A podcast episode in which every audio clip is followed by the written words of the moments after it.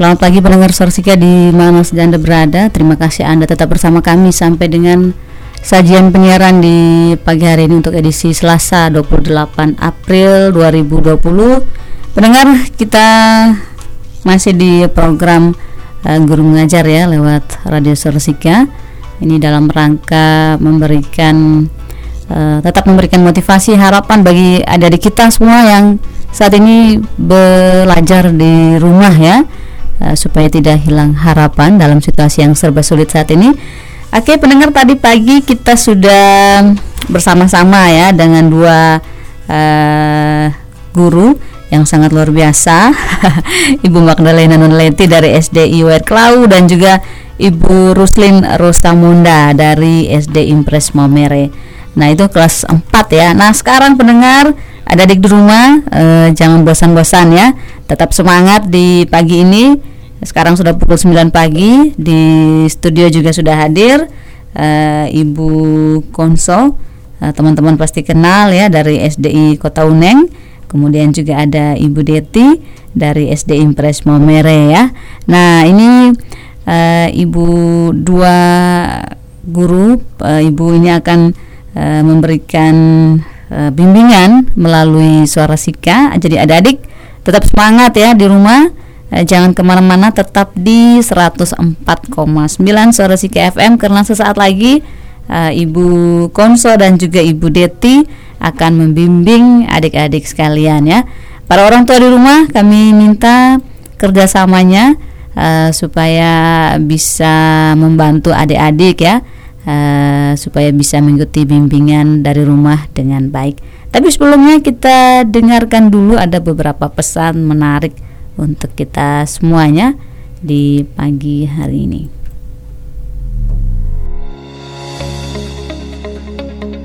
Pandemi COVID-19 telah menuntut banyak perubahan dalam keseharian kita. Dari keharusan mencuci tangan yang rajin, etika batuk dan bersin, hingga belajar dan bekerja di rumah, serta menghindari keramaian. Dengan banyaknya perubahan ini, ditambah ketidakpastian dan suasana yang mencekam, wajar untuk merasa resah, bingung, cemas, takut, bahkan marah. Namun di saat seperti ini, penting untuk kita menjaga kesehatan baik fisik maupun mental. Stres dan perasaan negatif berlebihan dapat berakibat buruk pada daya tahan tubuh, membuat kita jadi lebih mudah sakit. Maka itu, selain terus berupaya menerapkan pola hidup sehat, kita juga perlu menjaga mental kita. Beberapa anjuran yang dapat dilakukan untuk menghindari stres dalam situasi pandemik. 1. Jaga jarak fisik, tapi jangan putus silaturahmi. Saat ini kita memang dianjurkan untuk menjaga jarak fisik atau physical distancing untuk menghindari percikan batuk atau bersin yang berpotensi membawa virus. Akan tetapi, menjaga jarak fisik bukan berarti mengisolasi diri secara sosial. Kita dapat terus menjalin silaturahmi dengan memanfaatkan teknologi seperti sambungan telepon dan video call, saling bertukar pesan, atau melalui media sosial. Anda pun tetap boleh bertukar sapa atau mengobrol dengan tetangga dan orang di sekitar. Tapi hindari kontak fisik seperti bersalaman, berpelukan, mencium tangan atau pipi, dan jaga jarak 1-2 meter saat berinteraksi. 2. Batasi konsumsi berita atau informasi. Apabila Anda mulai merasa stres berlebihan setelah menonton, membaca, atau mendengar berita mengenai pandemi COVID-19, maka sangat dianjurkan untuk membatasi konsumsi informasi. Caranya antara lain, jangan habiskan waktu Anda di depan televisi atau membaca media sosial sepanjang hari. Batasi waktu untuk mencari informasi mengenai COVID-19 hanya 1-2 jam per hari saja. Hindari akun, sumber informasi, atau jenis berita yang meresahkan. Fokus pada informasi yang positif dan berguna bagi Anda dan keluarga. 3 Cari informasi dari sumber yang terpercaya. Utamakan sumber yang memang memiliki otoritas dalam permasalahan ini. Agar tidak termakan hoax, berita bohong, atau misinformasi yang menyesatkan, upayakan untuk selalu mengecek informasi yang Anda dapatkan pada sumber terpercaya. Misalnya, website resmi gugus tugas COVID-19, website resmi penanggulangan COVID-19 milik Pemda setempat, atau hotline center Corona. Jangan mudah percaya pada informasi yang tersebar di media sosial atau platform chatting bila tidak memiliki sumber yang terpercaya atau bersifat opini dan rumor. Hindari juga menyebarkan informasi yang belum dicek kebenarannya, agar tidak menyebabkan kepanikan. 4. Alihkan perhatian dan energi Anda pada aktivitas yang menenangkan diri. Kecemasan, ketakutan, bahkan perasaan tidak berdaya sangat wajar dirasakan saat ini. Akan tetapi, upayakan untuk tidak terlalu terhanyut. Cari kegiatan positif yang dapat membuat Anda dan orang terdekat merasa lebih tenang. Memasak, membaca, mendengarkan musik, berolahraga ringan, atau merapikan tempat tinggal dapat membantu untuk mengalihkan perhatian. Jangan lupa untuk terus beribadah dan berdoa guna menenangkan hati. Apabila dibutuhkan, ungkapkan perasaan Anda pada keluarga, teman, atau orang yang Anda percayai. 5. Fokus dalam berbuat kebaikan dan menyebarkan energi positif untuk sekitar. Siap kita mengalami tantangan dan kendala yang berbeda-beda saat ini Mari tetap fokus dalam berbuat kebaikan, melakukan hal-hal positif, dan saling bantu untuk sama-sama menghadapi pandemik ini. Saat ini, pemerintah sedang berusaha keras untuk mengatasi berbagai permasalahan yang terjadi akibat pandemi COVID-19. Kerjasama dan kedisiplinan masyarakat untuk menaati arahan dan aturan sangat penting agar kita dapat bersama mengatasi wabah ini. Tetap tenang dan berwaspada Bersama kita lawan virus corona.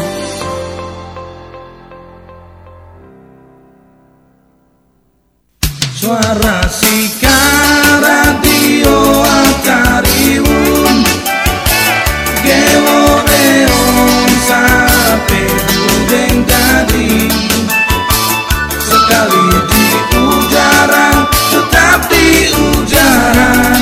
Baik mendengar Sorsika di mana saja berada Pagi hari ini sudah hadir Ibu Konso dari SDI Kota Uneng Dan juga Ibu Deti dari SDI Momere Selamat datang Ibu Deti dan juga Ibu Konso di uh, Sorsika Ya, uh, adik-adik dan juga orang rumah semuanya uh, Kita langsung simak saja ya uh, Bimbingan dari Ibu Konso dan juga Ibu Deti Selamat pagi untuk pendengar radio kesayangan kita Suara Sika Teristimewa anak-anak sahabat kelas 5 di seluruh Mian Sika Tanah Alok tercinta Salam hangat juga kami sampaikan untuk Bapak, Ibu, orang tua yang mungkin juga sedang mendampingi putra-putrinya dalam mengikuti siaran ini. Apa kabar kalian semua hari ini? Semoga selalu berada dalam lindungan yang maha kuasa. Besar harapan kami, kita semua tetap tegar dan tabah dan tidak menyerah pada wabah yang sedang melanda dunia saat ini, yaitu pandemi COVID-19. Pesan kami, semoga kita tetap jaga jarak dan selalu mencuci tangan di air yang mengalir dan menggunakan hand sanitizer. Anak-anak, Mari kita simak pesan berikut melalui sebuah lagu.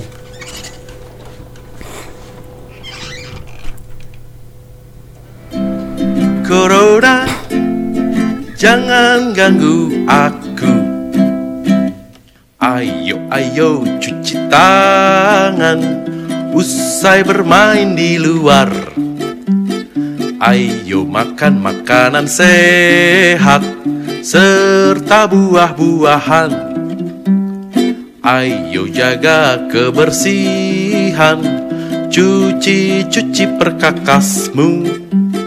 Jangan lupa berolahraga Agar badan tetap bugar. Berikan salammu dari jauh Untuk teman tersayang.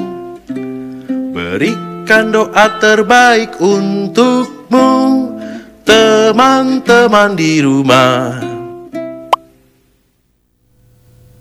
Hari ini kita berjumpa kembali dalam pembelajaran kita melalui media Radio Sika bersama saya Ibu Konsolina dan Ibu Deti untuk mendampingi adik-adik kelas 5 belajar dari rumah.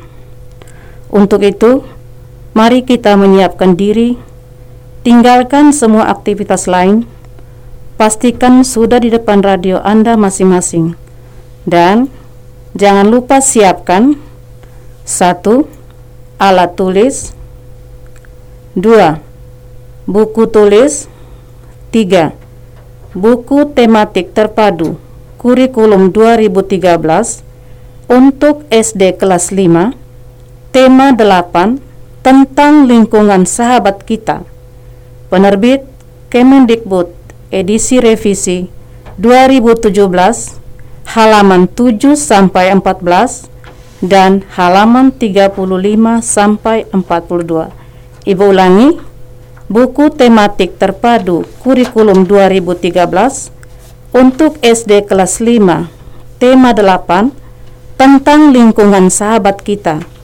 Penerbit Kemendikbud edisi revisi 2017 halaman 7 sampai 14 dan halaman 35 sampai 42.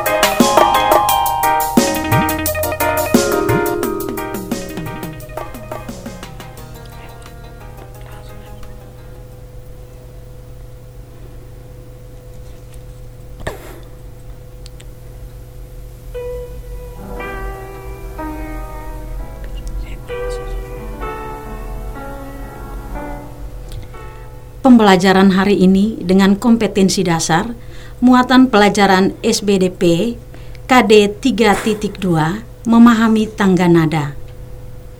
KD 4.2 menyanyikan lagu-lagu dalam berbagai tangga nada dengan iringan musik. Muatan pelajaran bahasa Indonesia dengan KD 3.8 menguraikan urutan peristiwa atau tindakan yang terdapat pada teks non-fiksi. KD 4.8 menyajikan kembali peristiwa atau tindakan dengan memperhatikan latar cerita yang terdapat pada teks fiksi. Muatan pelajaran ilmu pengetahuan alam dengan KD 3.8 menganalisis siklus air dan dampaknya pada peristiwa di bumi serta kelangsungan makhluk hidup.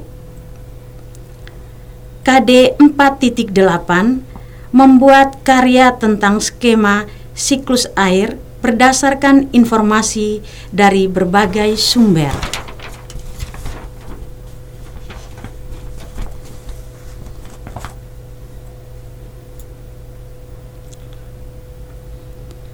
Senang berjumpa dengan kalian semua. Ingat, tidak ada yang bisa menghalangi niatmu belajar. Sebelum pembelajaran dimulai, kita berdoa menurut keyakinan kita masing-masing. Berdoa dimulai.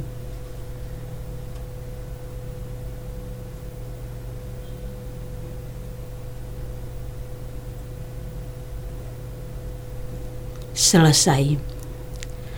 Pada pagi ini, kita belajar pembelajaran tematik dengan tema lingkungan sahabat kita dan subtema manusia dan lingkungan.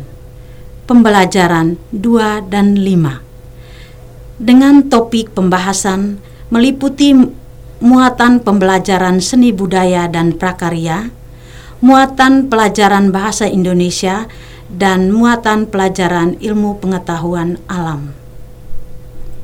Adapun pembahasannya sebagai berikut. Yang pertama, tentang tangga nada. Yang kedua, tentang teks fiksi dan non-fiksi. Yang ketiga, tentang siklus air. Yang keempat, rangkuman. Yang kelima, evaluasi dengan memberi latihan soal. Yang keenam, pemberian tugas.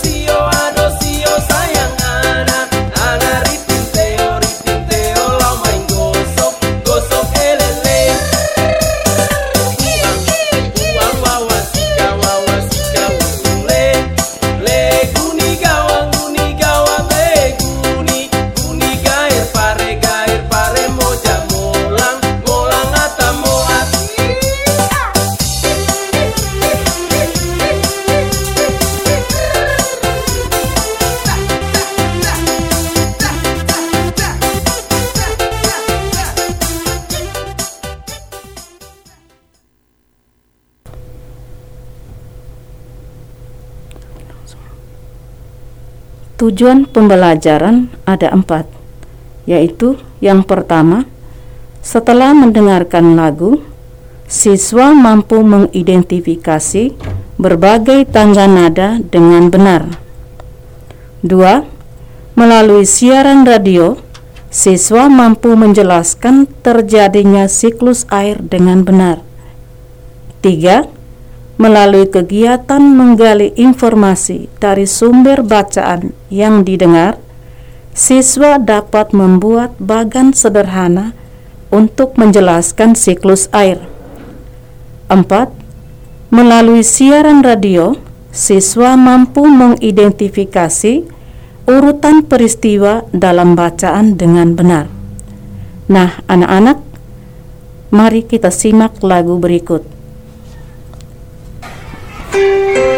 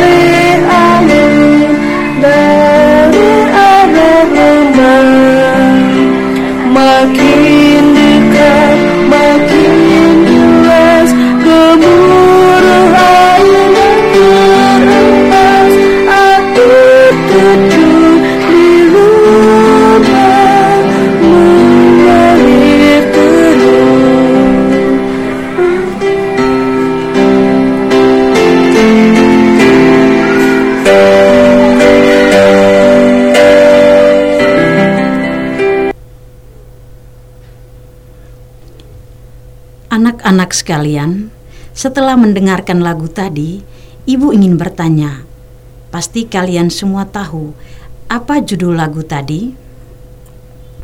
Nah, anak-anak, judul lagu tadi adalah Air Terjun. Pasti dalam hati kalian bertanya, siapa penciptanya? Nah, adik-adik, coba siapa yang tahu? Ya, bagus. Pencipta lagunya adalah Bapak A.T. Mahmud. Ibu ulangi, pencipta lagunya adalah Bapak A.T. Mahmud. Tangga nada apa yang digunakan pada lagu tadi? Tangga nada yang digunakan pada lagu tadi adalah Do sama dengan C. Artinya, nada dasar pada lagu tadi adalah Do. Tempo yang digunakan pada lagu tadi adalah sedang. Artinya, lagu dinyanyikan dalam kecepatan seperti orang berjalan santai.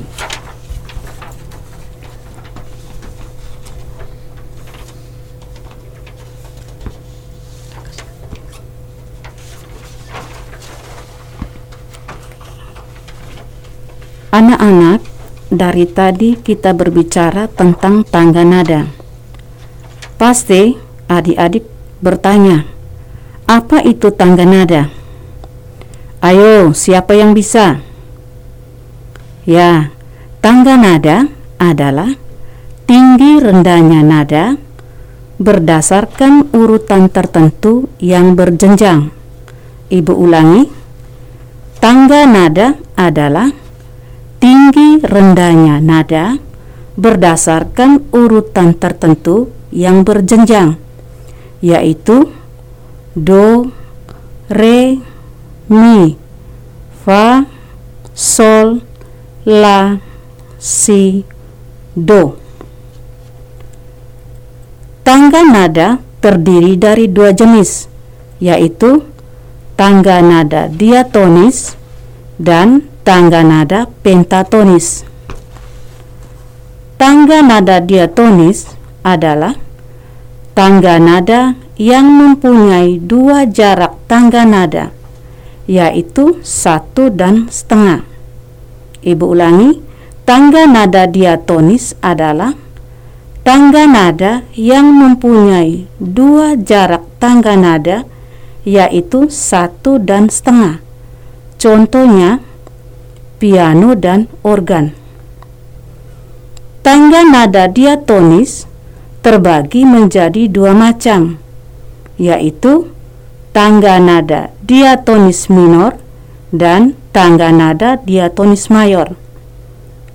Selanjutnya, tangga nada pentatonis adalah tangga nada yang menggunakan lima nada pokok. Ibu ulangi, Tangga nada pentatonis adalah tangga nada yang menggunakan lima nada pokok. Contohnya adalah musik gamelan. Anak-anak, hari ini kita membahas khusus tangga nada diatonis mayor. Tangga nada diatonis mayor adalah tangga nada yang memiliki rangkaian tujuh nada yang susunan nadanya berjarak satu satu setengah satu satu satu setengah. Ibu ulangi, tangga nada diatonis mayor adalah tangga nada yang memiliki rangkaian tujuh nada yang susunan nadanya berjarak satu satu setengah satu satu satu setengah. Selain memiliki interval tersebut, tangga nada diatonis mayor juga memiliki ciri lain, yaitu lagu bersifat riang gembira, bersemangat, serta biasanya diawali dan diakhiri dengan nada do.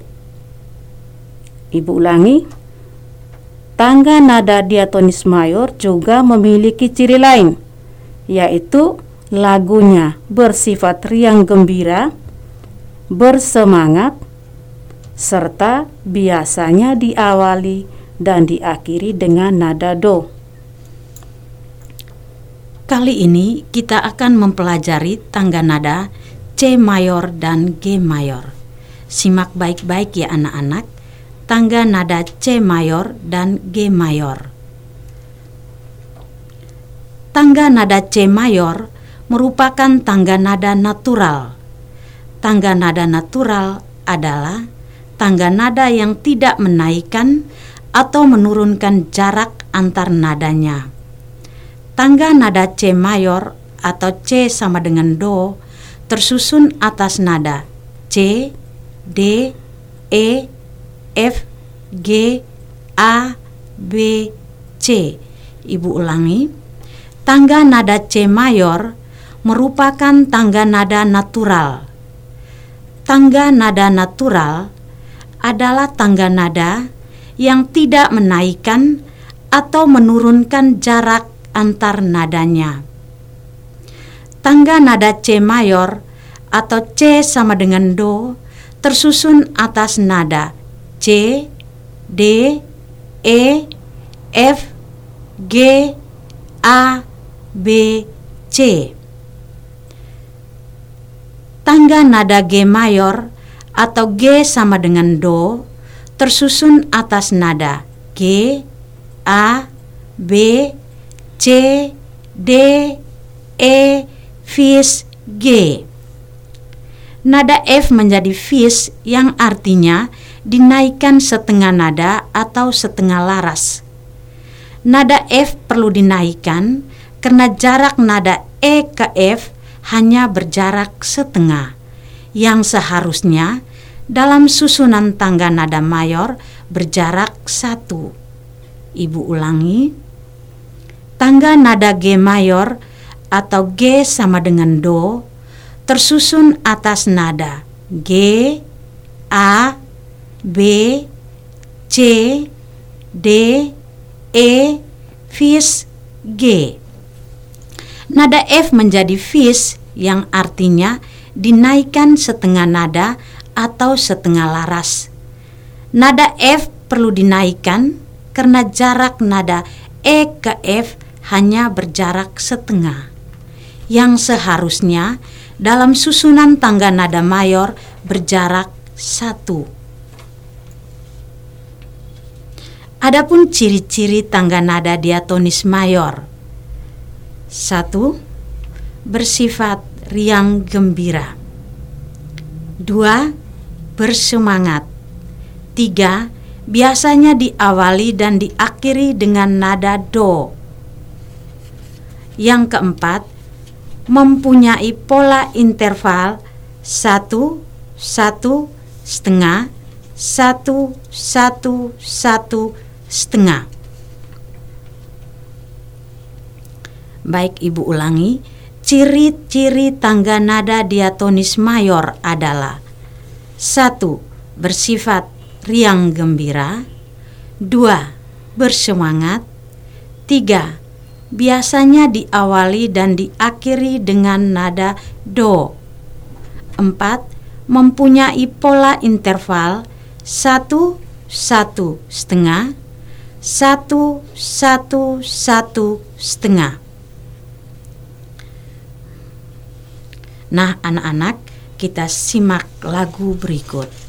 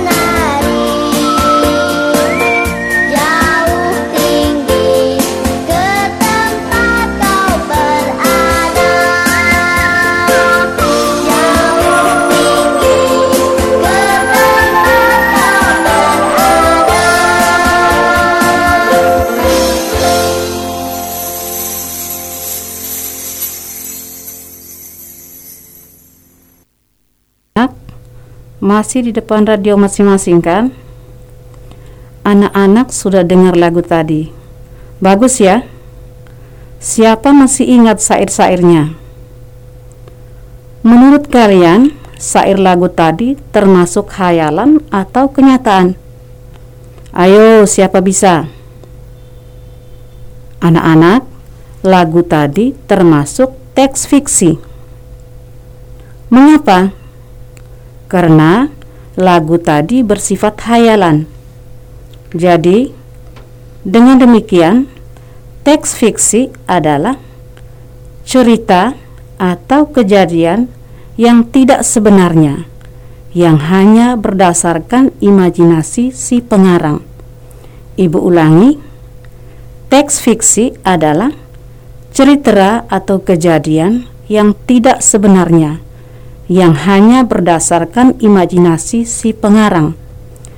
Contohnya, dongeng, cerita pendek, cerita anak, novel, fabel, dan komik. Anak-anak, tadi kita sudah belajar tentang teks fiksi. Selain itu ada teks non-fiksi. Apa yang dimaksud dengan teks non-fiksi? Teks non-fiksi adalah cerita yang berdasarkan fakta atau kenyataan dan dapat dipertanggungjawabkan oleh si penulis. Ibu ulangi, teks non-fiksi ialah cerita yang berdasarkan fakta dan kenyataan dan dapat dipertanggungjawabkan oleh si penulis.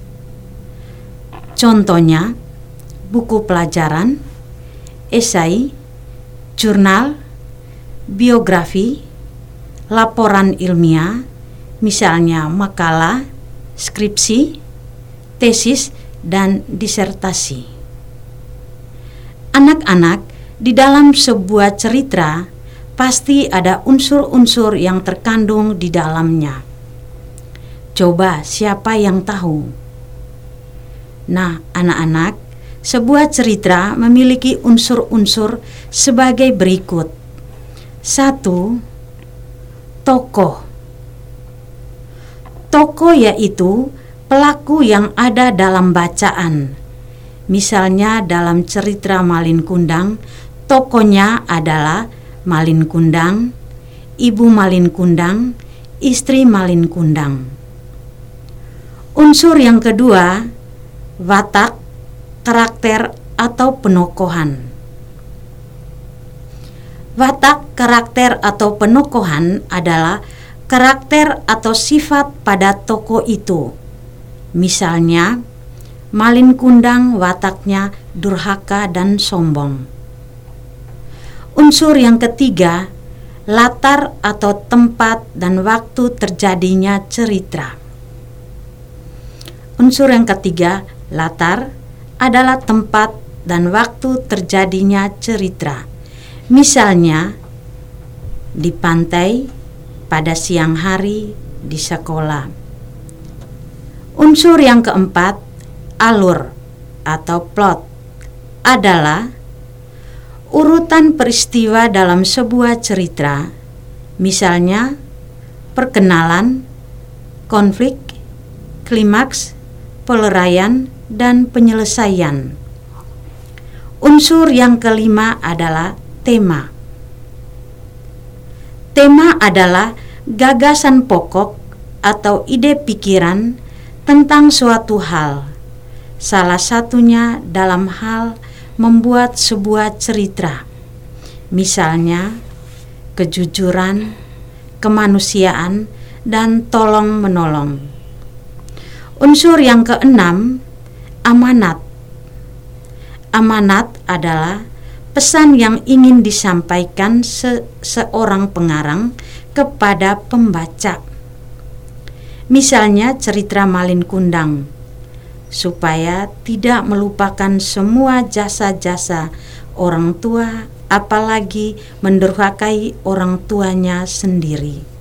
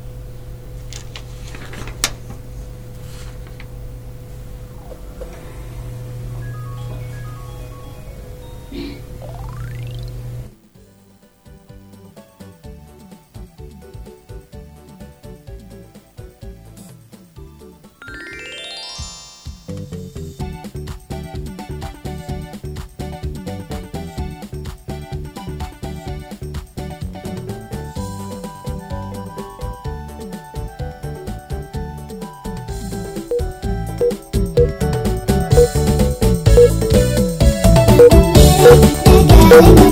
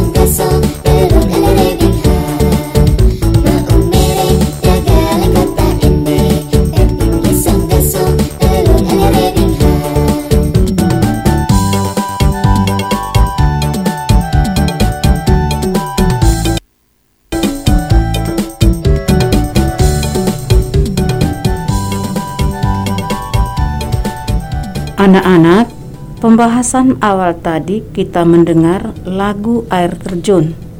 Masih ingat? Air merupakan kebutuhan yang sangat penting bagi makhluk hidup. Makhluk hidup membutuhkan air setiap hari. Menurutmu, mengapa air tak kunjung habis walau terus-menerus digunakan? Air tidak akan habis walaupun sering digunakan.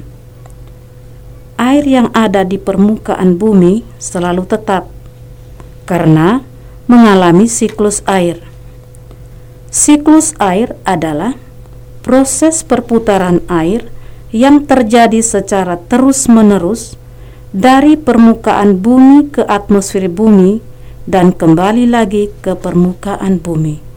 Ibu ulangi, Siklus air adalah proses perputaran air yang terjadi secara terus-menerus dari permukaan bumi ke atmosfer bumi dan kembali lagi ke permukaan bumi. Nah, anak-anak, mari kita coba simak penjelasan ibu berikut. Manusia selalu membutuhkan air dalam kehidupan sehari-hari.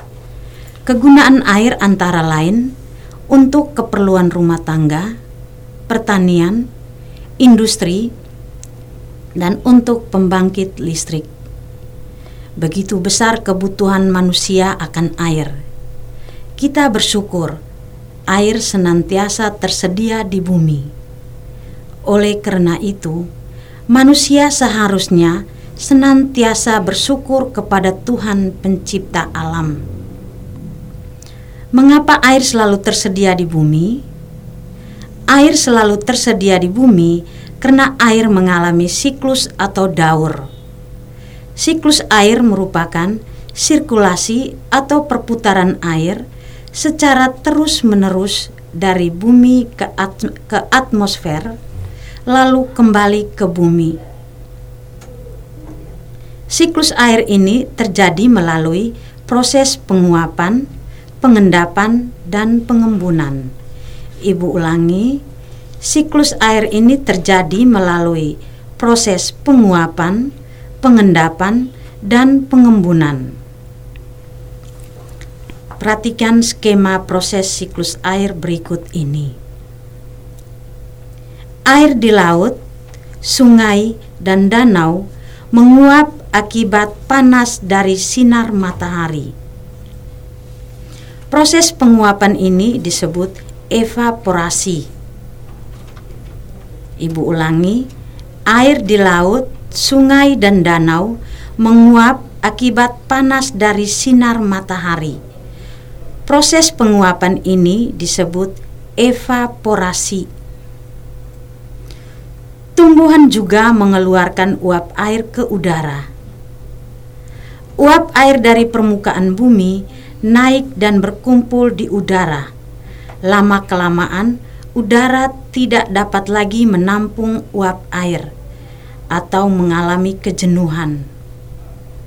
Proses ini disebut presipitasi.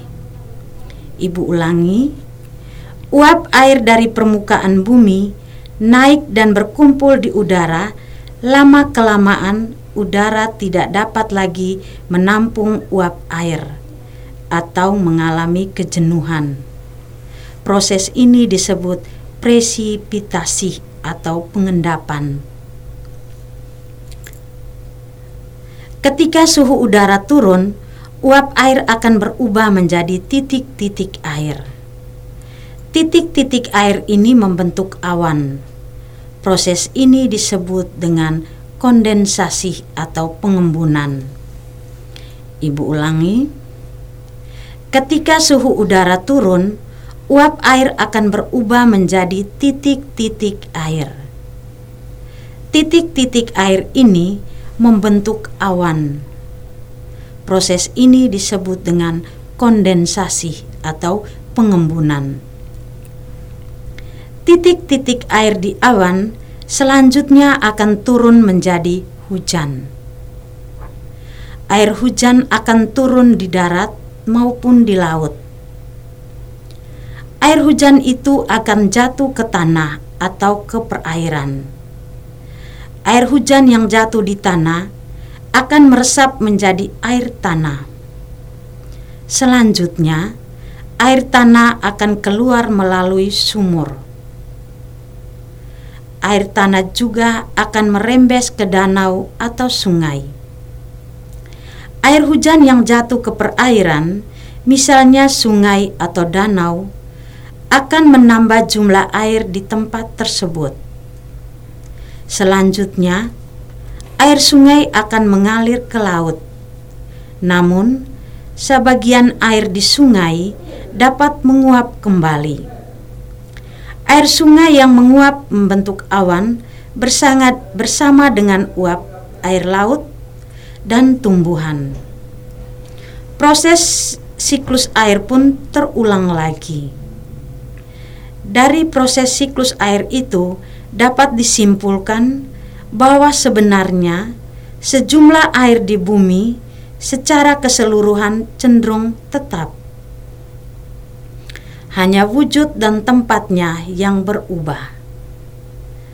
Nah, anak-anak, kalian pasti tahu manfaat air bagi makhluk hidup. Manfaat air bagi makhluk hidup antara lain: satu, untuk mandi, yang kedua, memasak, yang ketiga, mencuci, yang keempat, sebagai sarana transportasi. Yang kelima sebagai pembangkit listrik tenaga air, yang keenam sebagai sarana olahraga, yang ketujuh sebagai irigasi atau pengairan. Ibu ulangi manfaat air bagi makhluk hidup antara lain. Satu untuk mandi. Dua untuk memasak. Tiga untuk mencuci. Empat sebagai sarana transportasi. 5 sebagai pembangkit listrik tenaga air, 6 sebagai sarana olahraga, 7 sebagai irigasi atau pengairan.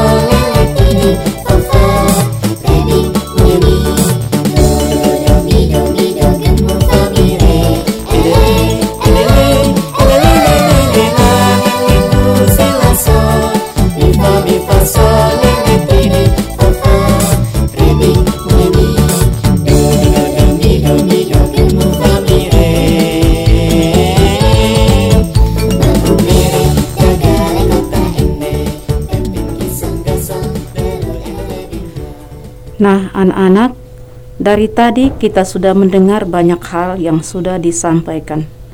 Karena itu, agar kalian lebih mudah memahami pembelajaran kita hari ini, marilah bersama-sama kita menyimpulkan hasil pembelajaran kita hari ini. Tapi sebelum itu, ibu mengajak anak-anak semua untuk berdiri biar agak rileks. Masih semangat? Masih. Baik, biar lebih semangat lagi, kita lakukan tepuk PPK.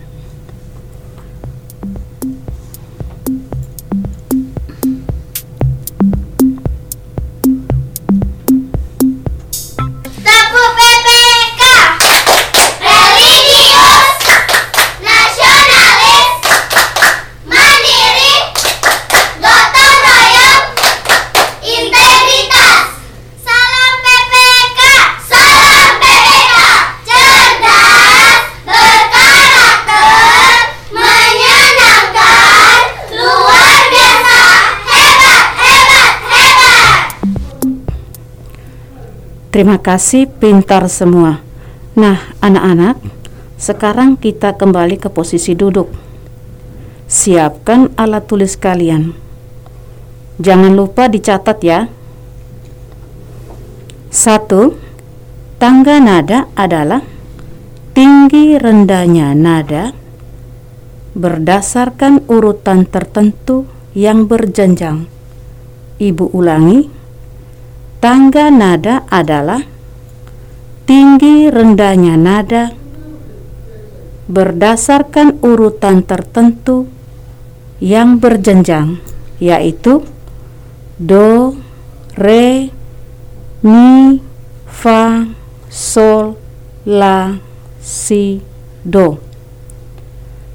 Tangga nada dibedakan atas dua, yaitu tangga nada diatonis dan tangga nada pentatonis. Tangga nada diatonis adalah tangga nada yang mempunyai dua jarak nada, yaitu satu dan setengah. Ibu ulangi, tangga nada diatonis adalah tangga nada yang mempunyai dua jarak nada, yaitu satu dan setengah. Tangga nada diatonis dibagi atas dua, yaitu tangga nada diatonis minor dan tangga nada diatonis mayor. Ibu ulangi, tangga nada diatonis dibagi atas dua, yaitu tangga nada diatonis minor dan tangga nada diatonis mayor. Selanjutnya, tangga nada pentatonis adalah tangga nada yang menggunakan lima nada pokok. Ibu ulangi, tangga nada pentatonis adalah tangga nada yang menggunakan lima nada pokok, yaitu do, re, mi, fa, sol. Yang kedua, teks fiksi adalah cerita atau kejadian yang tidak sebenarnya yang hanya berdasarkan imajinasi si pengarang. Ibu ulangi, teks fiksi adalah cerita atau kejadian yang tidak sebenarnya yang hanya berdasarkan imajinasi si pengarang. Sedangkan teks non-fiksi adalah cerita yang berdasarkan fakta dan kenyataan dan dapat dipertanggungjawabkan oleh si penulis. Ibu ulangi, teks non-fiksi adalah cerita yang berdasarkan fakta dan kenyataan dan dapat dipertanggungjawabkan oleh si penulis.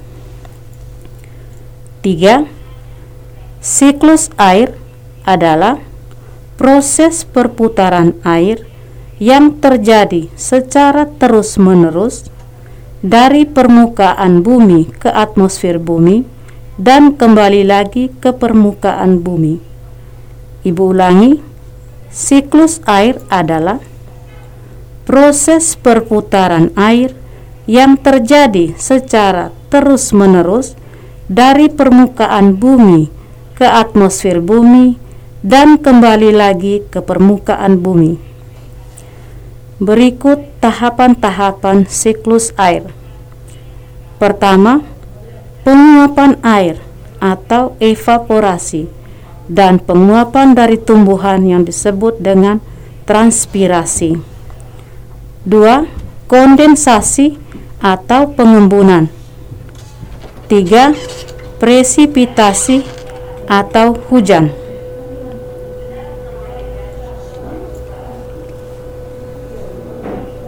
Nah, anak-anak, bagaimana pembelajaran kita hari ini?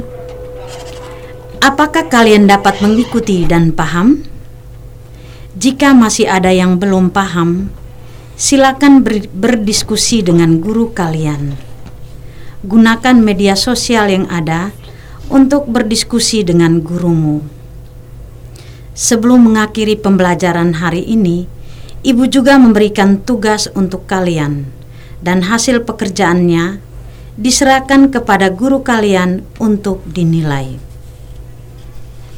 Adapun tugas-tugas antara lain: satu, tulislah interval tangga nada mayor.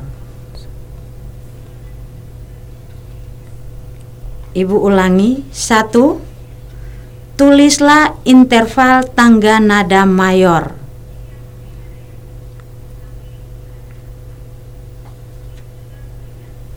Dua, apa yang dimaksudkan dengan teks fiksi dan non-fiksi? Ibu ulangi soal nomor dua. Apa yang dimaksudkan dengan teks fiksi dan non-fiksi? Soal nomor tiga. Buatlah bagan siklus air. Ibu ulangi soal nomor tiga. Buatlah bagan siklus air.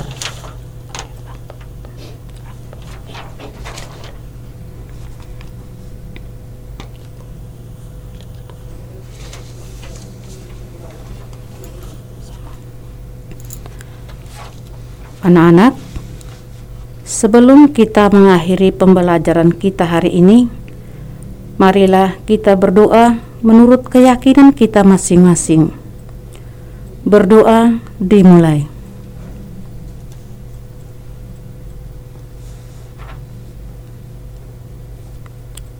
Selesai.